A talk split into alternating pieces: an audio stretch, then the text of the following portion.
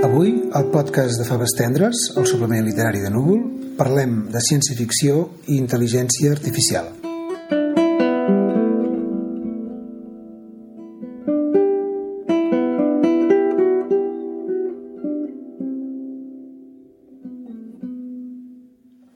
Bon dia, us parla Bernat Puigtovella. Avui al Faves Tendres volem parlar de robots eh, i per fer-ho tenim amb nosaltres la Carme Torres i el Martí Petit. Eh? La Carme és doctora en informàtica, professora d'investigació a l'Institut de Robòtica de la, de la Politècnica de Catalunya i també escriptora. Ha publicat, entre d'altres, les novel·les La mutació sentimental i Enxarxats i ara acaba de sortir a les males herbes el seu últim llibre, un recull de contes titulat Estimades màquines també ens acompanya en Martí Petit, escriptor, que acaba de publicar a la Biblioteca del Núvol un e-book que ha titulat Jo robot et governo, eh? on proposa amb una argumentació jurídica que en el futur els robots ens haurien de tributar i pagar impostos com fem tots nosaltres. Eh? Comencem amb aquests nous contes de la Carme Torres eh? que exploren l'impacte que la tecnologia té en les relacions humanes Carme, també parles molt de les implicacions ètiques de la intel·ligència artificial i de tot el que comportarà la seva implantació. Eh? Tu que treballes incansablement programant robots, uh, ho tenim realment a prop això o encara som a les beceroles? Jo crec que ho tenim... Bueno, hi ha aplicacions molt a prop, ja. Vull dir, tot, no sé, els assessors fiscals, els, eh, que seleccionen currículums. Ha algoritmes d'aprenentatge d'aquests de, de deep learning estan molt instaurats. Eh? Deep learning? Sí, d'aprenentatge profund. Profund. No? Que són aquests que a partir de Big Data sí. aprenen, aprenen una classificació.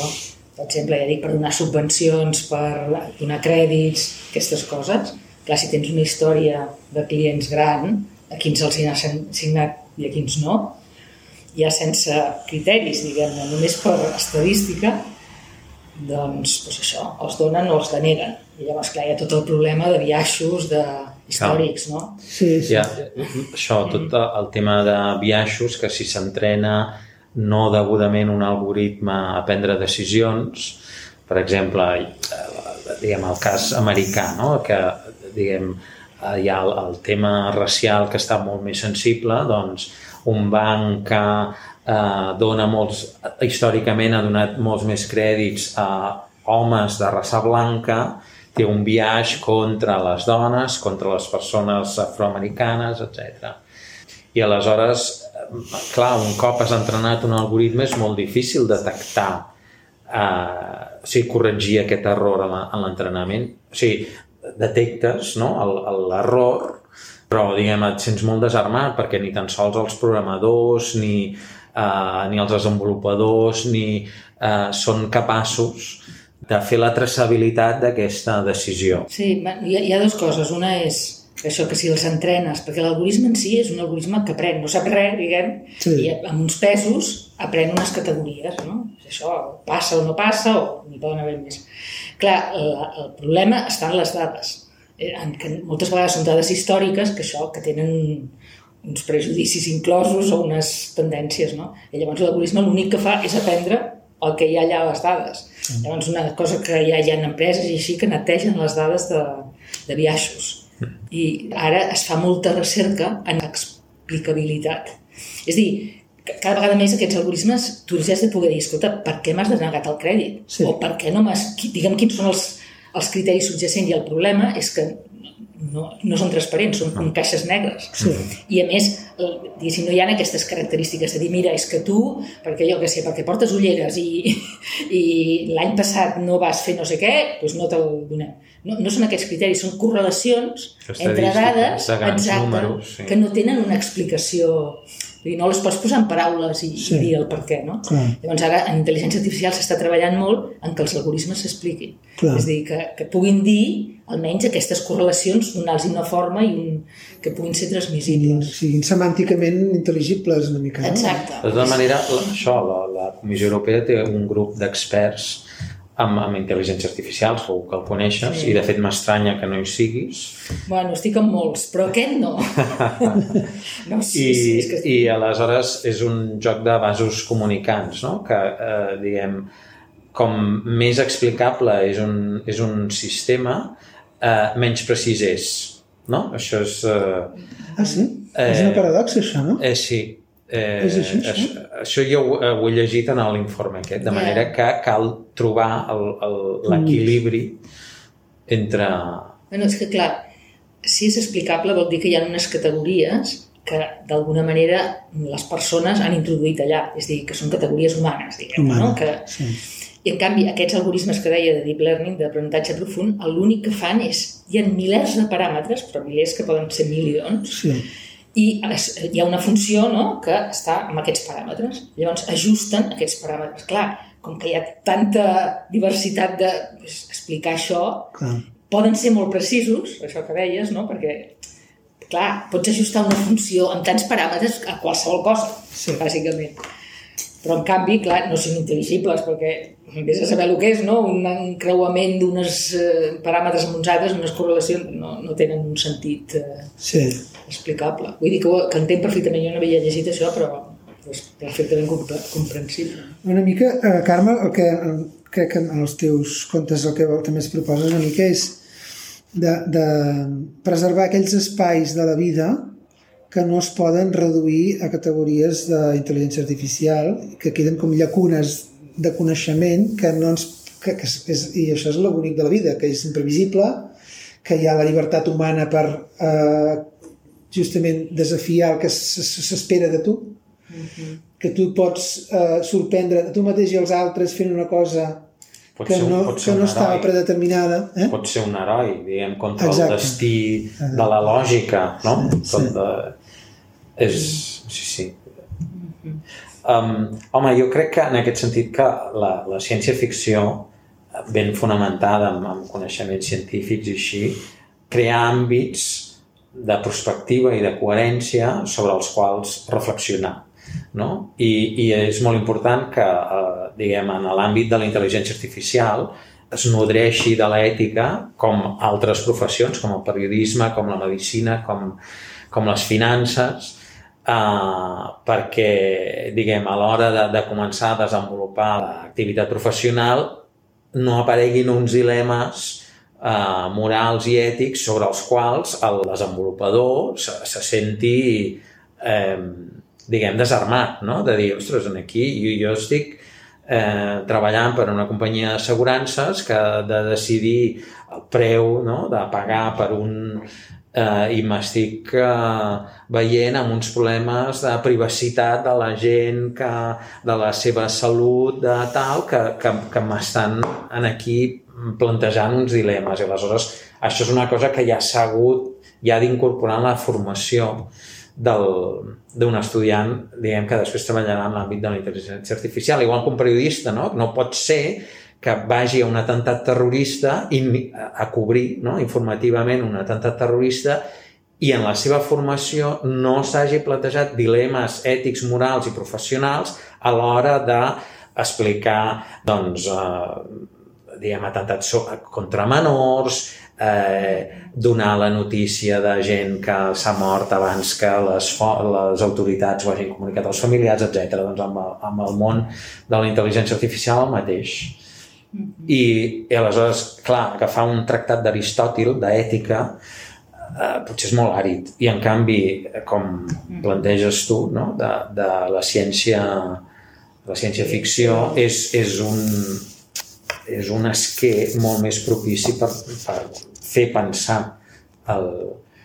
Sí, sí, això és exactament el que venc jo, perquè he desenvolupat a partir de la mutació sentimental, que és mm -hmm. la novel·la, sí. tot un material, uns materials ètics, vull dir, una presentació amb 100 diapositives i, i una guia del professor que s'ha publicat per MIT, MIT Press -hmm. i que això va ser el 2018 sí. i que ho han utilitzat ja moltes universitats tant allà com perquè aquí, la novel·la està traduïda a l'anglès també eh? està a l'anglès, sí, sí. l'anglès que es diu d'una altra manera es diu The Vestigial Heart però és la mateixa vale, sí. però allà van, van canviar i és exactament el que tu dius que allà tenen en el currículum dels enginyers i dels informàtics, els estudiants, tenen una àrea que es diu ètica professional però ja de fa molts anys, eh? Ah. I llavors, bueno, doncs allà parlen d'assignatures això de societat, de l'impacte social, i tal.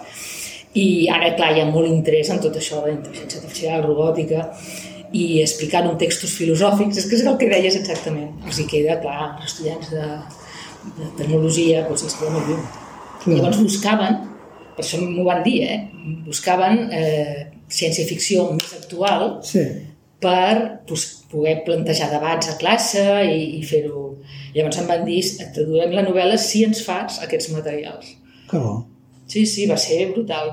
Llavors, Perquè, clar, no hi ha gaire gent que tingui la duda. La... Clar, la doble vessant. Sigui, els alumnes de l'MIT llegeixen la teva novel·la i a partir d'aquí treballen unes pautes. eh, Bueno, jo, els de l'MIT, la veritat, exactament, és- MIT Press que ho va fer. Llavors, sé d'altres Ah. universitats, però MIT com a tal, sé que han fet alguna sessió i així, però una assignatura. Vale, és MIT Press que com a editorial ha Exacte. publicat el teu llibre Exacte. amb una guia de lectura i de Exacte. treball, no? Sí. Està bé, interessant. No, no, molt, i ara l'han traduït al, al xinès.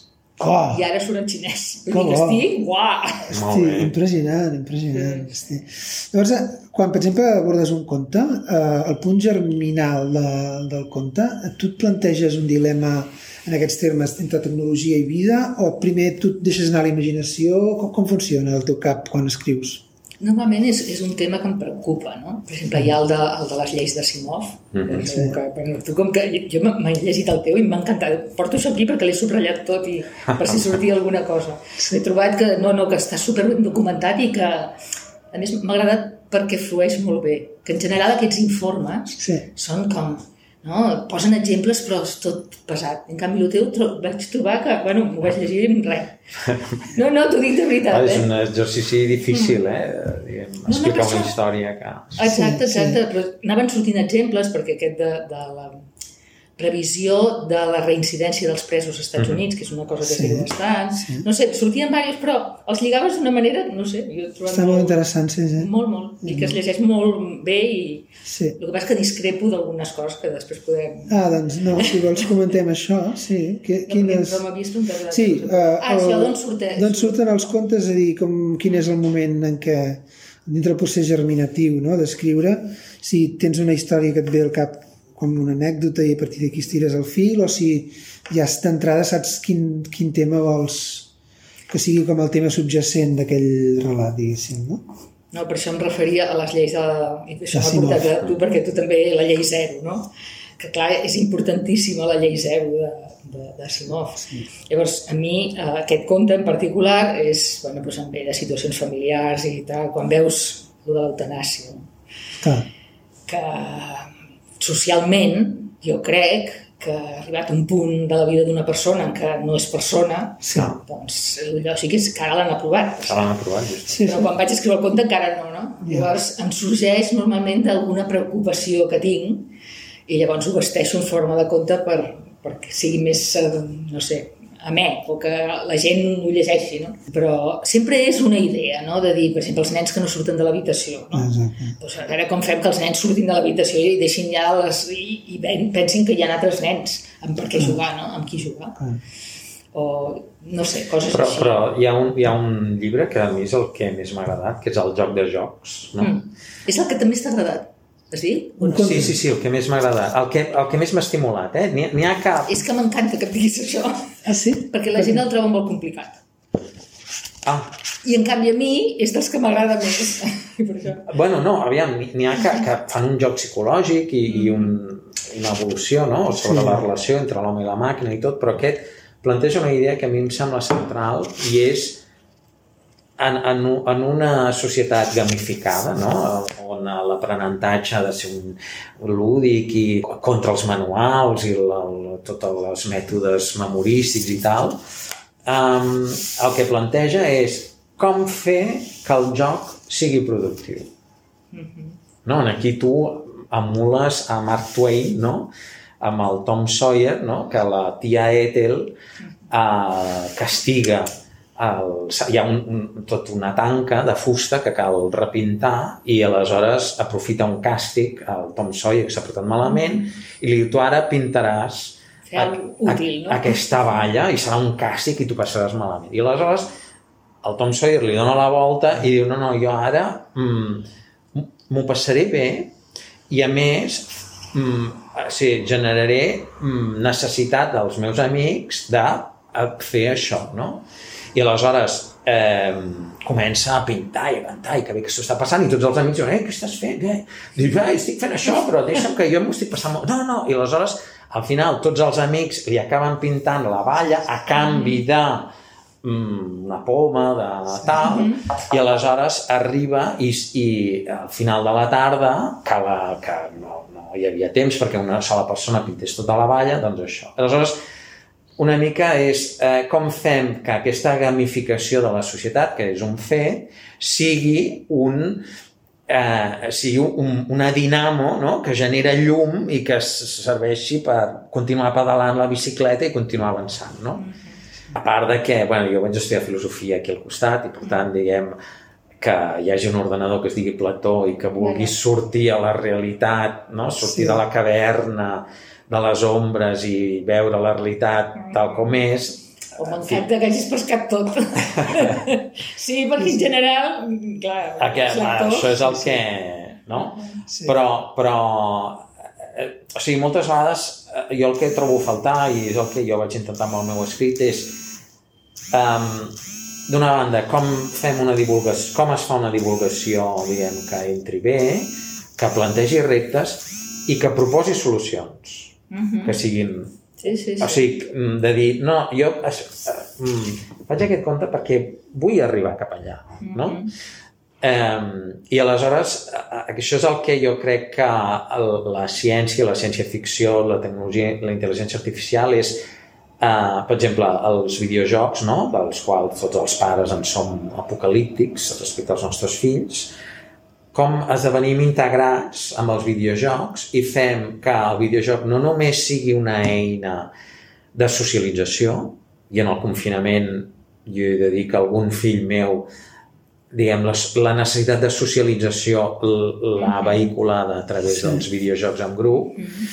sinó com fem que els videojocs siguin una plataforma d'aportació per solucions que, que d'una manera individualitzada, mercantilitzada o academicista no dona. Mm -hmm. En canvi, eh, una mica com el Linux, no? El, el, mhm.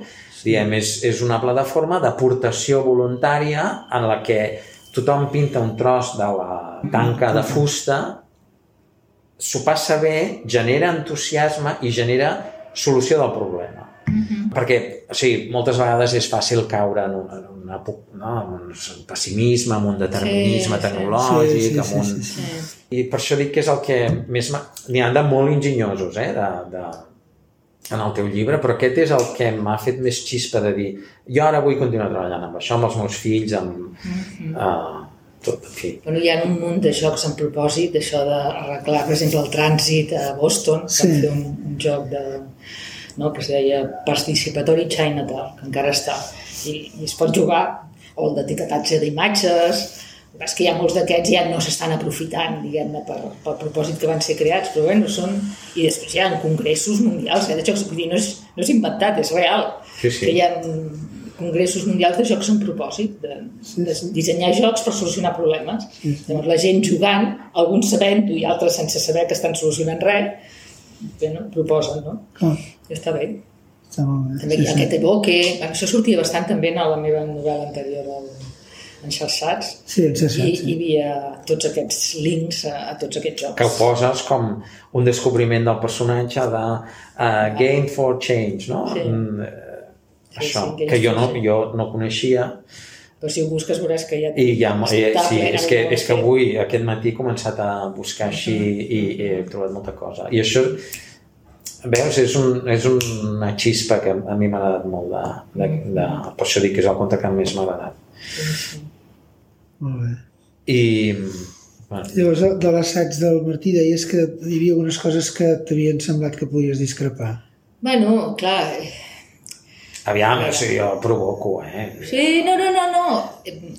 Jo, per exemple, el de donar seguretat social... Bé, tu dius entitat jurídica, no? De, sí, sí, personalitat jurídica. Sí, personalitat jurídica. Clar, jo... Eh, que molta gent diu això d'assignar un, això, pagar seguretat social com si fos un treballador, no? Substitueixen un treballador per un robot, doncs que pagui... jo no ho veig, perquè veig que són una continuació d'una màquina-eina o d'un... dir per què eh, el robot ha de cotitzar la Seguretat Social i la màquina eina just anterior, que també la revolució industrial va substituir a persones, o, o l'ordinador, que ens està substituint a molts, i aquests no.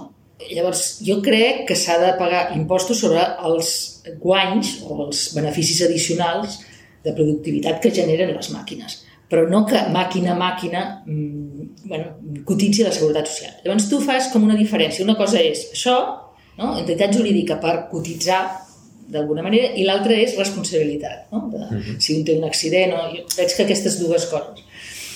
Eh, ja dic, jo en el cas aquest ho veig que no. I en el de responsabilitat també veig que no.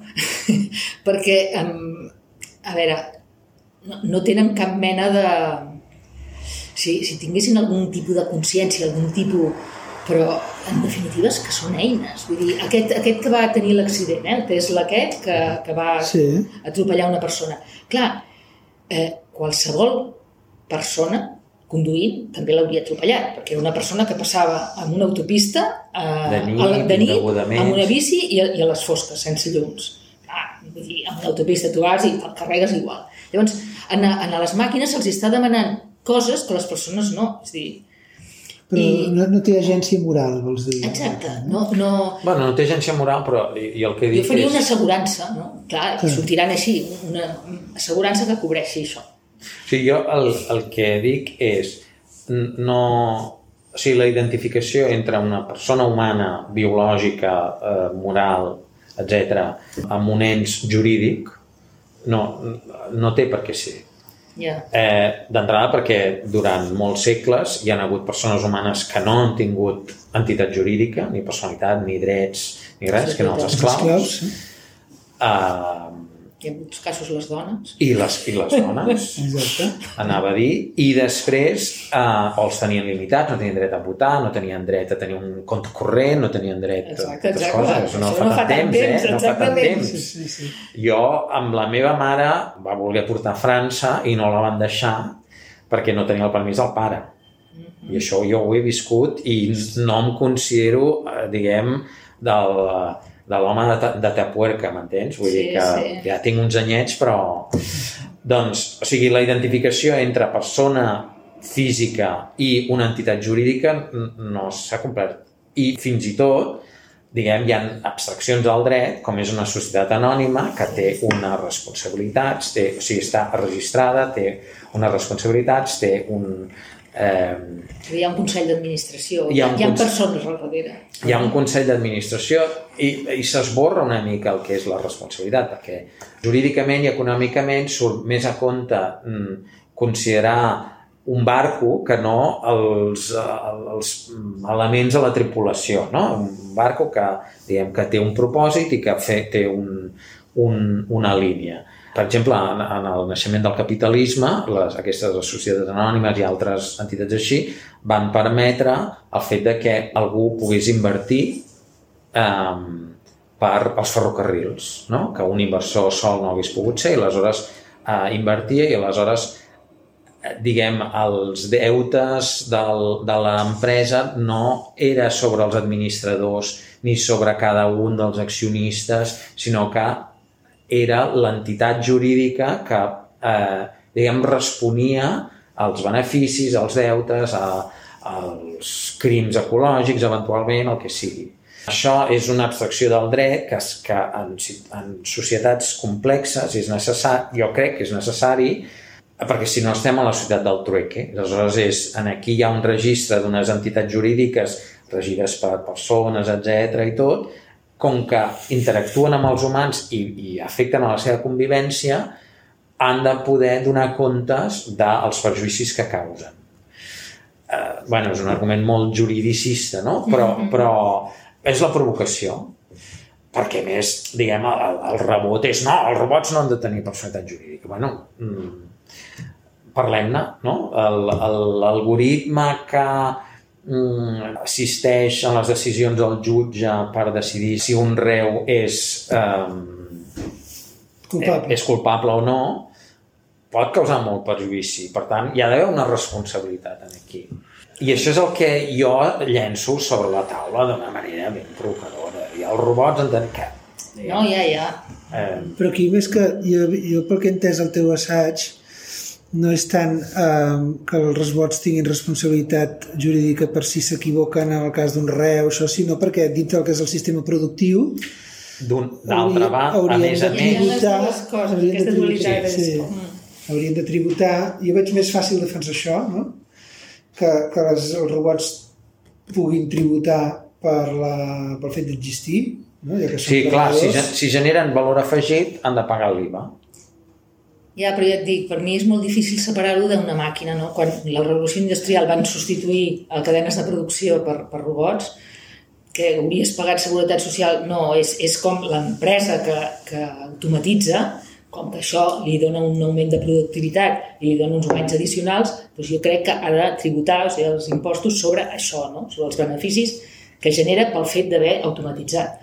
Perquè, no, no sé, ho veig... Eh, que em poses la frontera del que és màquina intel·ligent. Clar, clar, i el que, hi ha un no? problema de definició del robot. Clar, in, que, que ja dic, i, i els ordinadors, és que això sí que ha tret una quantitat de llocs de treball, i sempre, no sé per què es personalitzen els robots, perquè com que són, però al fons... Són més cinematogràfics. Però, exacte. Però aquí sí que el Martí sembla que més enllà de si això que ell planteja és viable o és, o és correcte, jo crec que el que està plantejant és una, un punt de fuga en el futur on podem veure com l'estat del benestar s'esfondra per falta de, mm, de cotitzacions eh?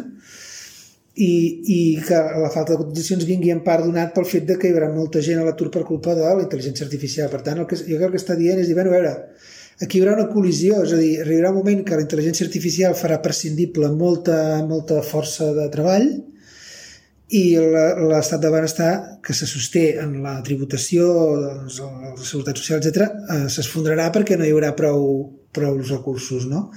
Llavors és en aquest punt de, que es troben aquests dos eh, punts de fuga, diguéssim, on s'ha de trobar una solució, no? I llavors quina és la solució? Clar, perquè hi ha uns guanyadors que són una mil·lèsima part, eh, invisible, i després hi ha la immensa majoria de perdedors d'aquesta tecnologia. Aleshores, sí mentre no es fa la transició, com evitem que hi hagi un esclat social.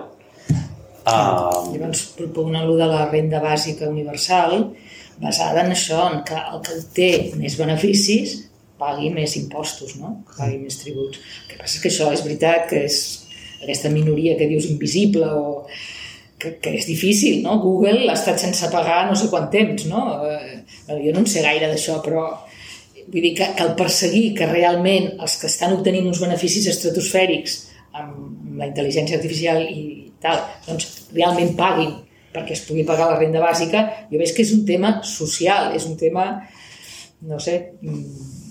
Però aquí, a Xina, als Estats Units, a, tot arreu, a, tot arreu. a la Índia, sí, arreu. sí, sí. No, no, estic d'acord, estic d'acord. Però vull dir que no sé si la cosa és donar-los entitat jurídica a les màquines. Perquè jo em resisteixo a, a, No, en sèrio. Bueno, perquè perquè la, molta gent aquesta és la meva provocació. Que... Ja, ja, ja. ja. sí. Jo I molts juristes també. Ja. La jurídica, perquè al final eh, darrere sempre hi ha un humà que els diu clar, què han de fer. Clar. No.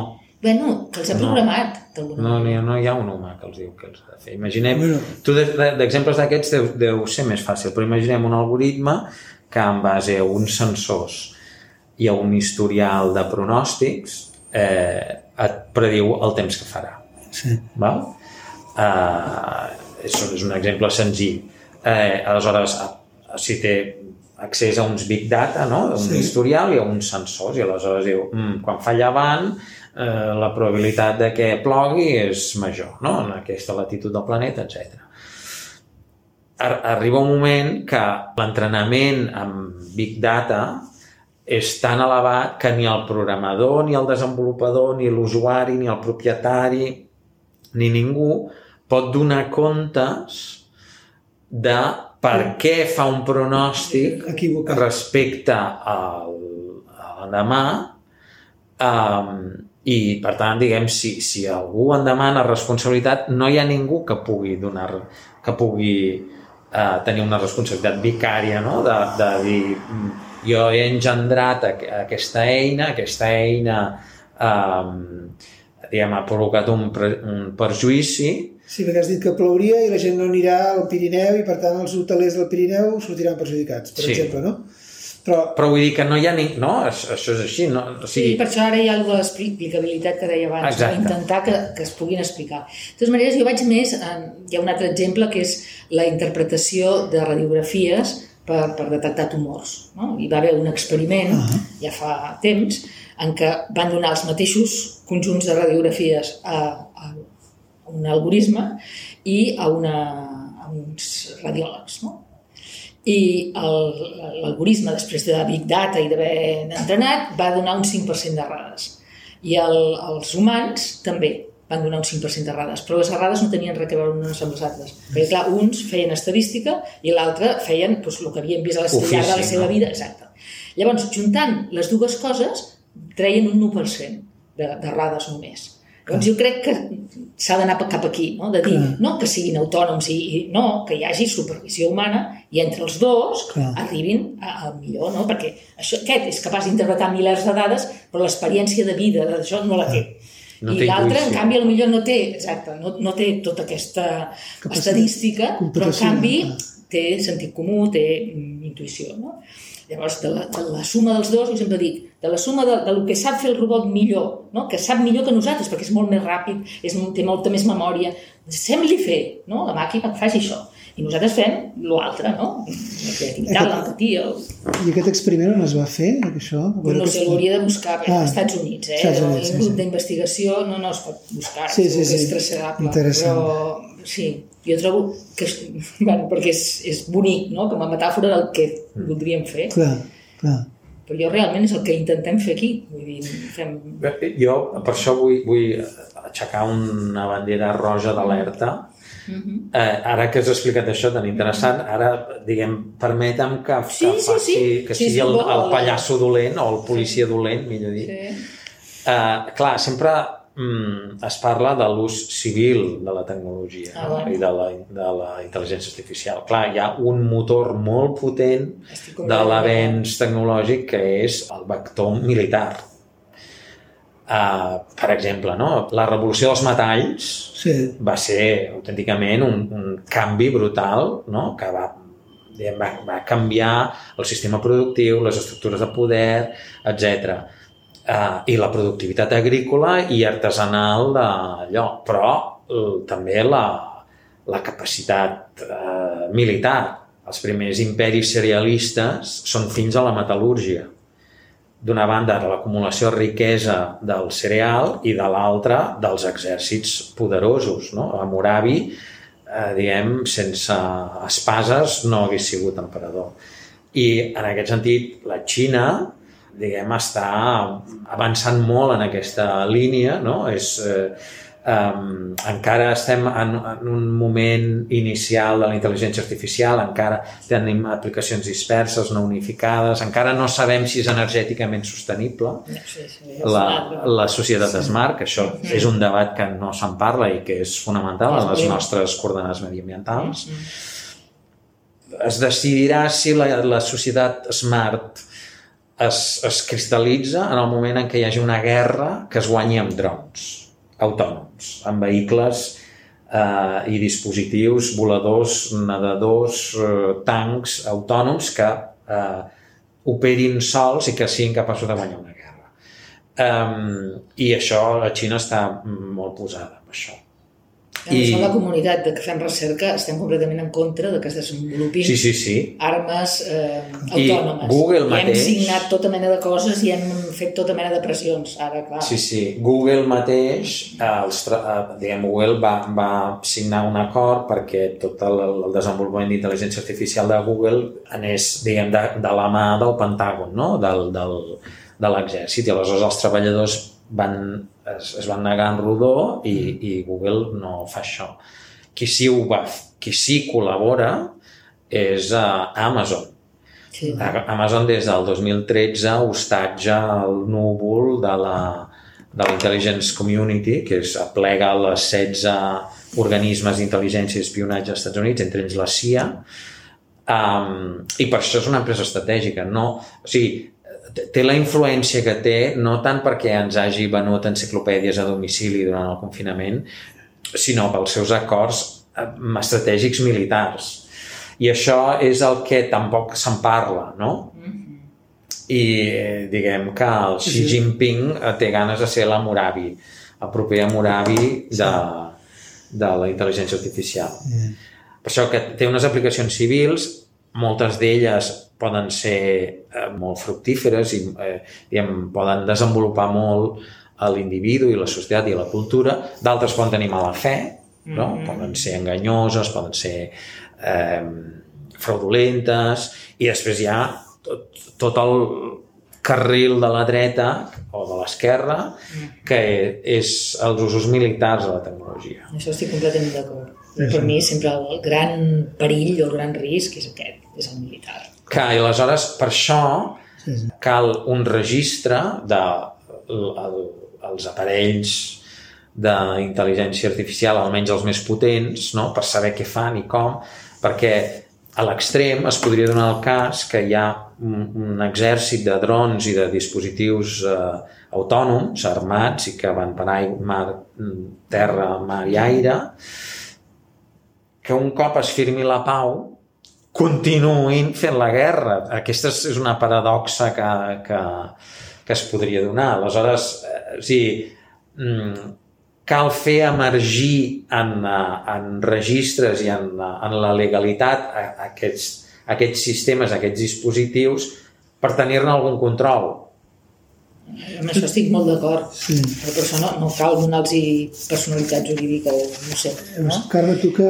que... Estic completament d'acord sí, que, sí, sí. que això és el, el gran perill i que no està gaire controlat, malgrat que, és que clar, aquí també Europa juga una altra Sí, són una altra història. flors i violes. Sí, no, i és que a més s'han fet tot de normatives, de que, per exemple, la responsabilitat última sobre qualsevol robot, eina d'intel·ligència artificial, ha d'haver-hi una persona. Yeah. Eh, això és, després, bueno, buscar si alguna cosa molt funciona s'ha de poder aturar i han fet tota una reglamentació treta dels drets humans però que clar que és després veus Xina i veus Estats Units i dius sí, sí, molt bé, nosaltres ho farem molt bonic, no? Sí, Però... és el Far West. Clar, sí, Exacte. Moltes gràcies, eh, Carme i Martí, per aquesta conversa. Uh, lectors, jo us uh, convido a, a llegir aquest recull de contes de, de la Carme, Estimades màquines, publicat a Males Herbes, i també a descarregar-vos l'e-book de Núvol, amb Jo Robot et governo, del Martí Petit, que podeu trobar si sou subscriptors de Núvol al nostre web i si no podeu també comprar a qualsevol llibreria digital. Moltes gràcies i espero que reveure aviat, que ha estat molt interessant. Gràcies. Moltes gràcies.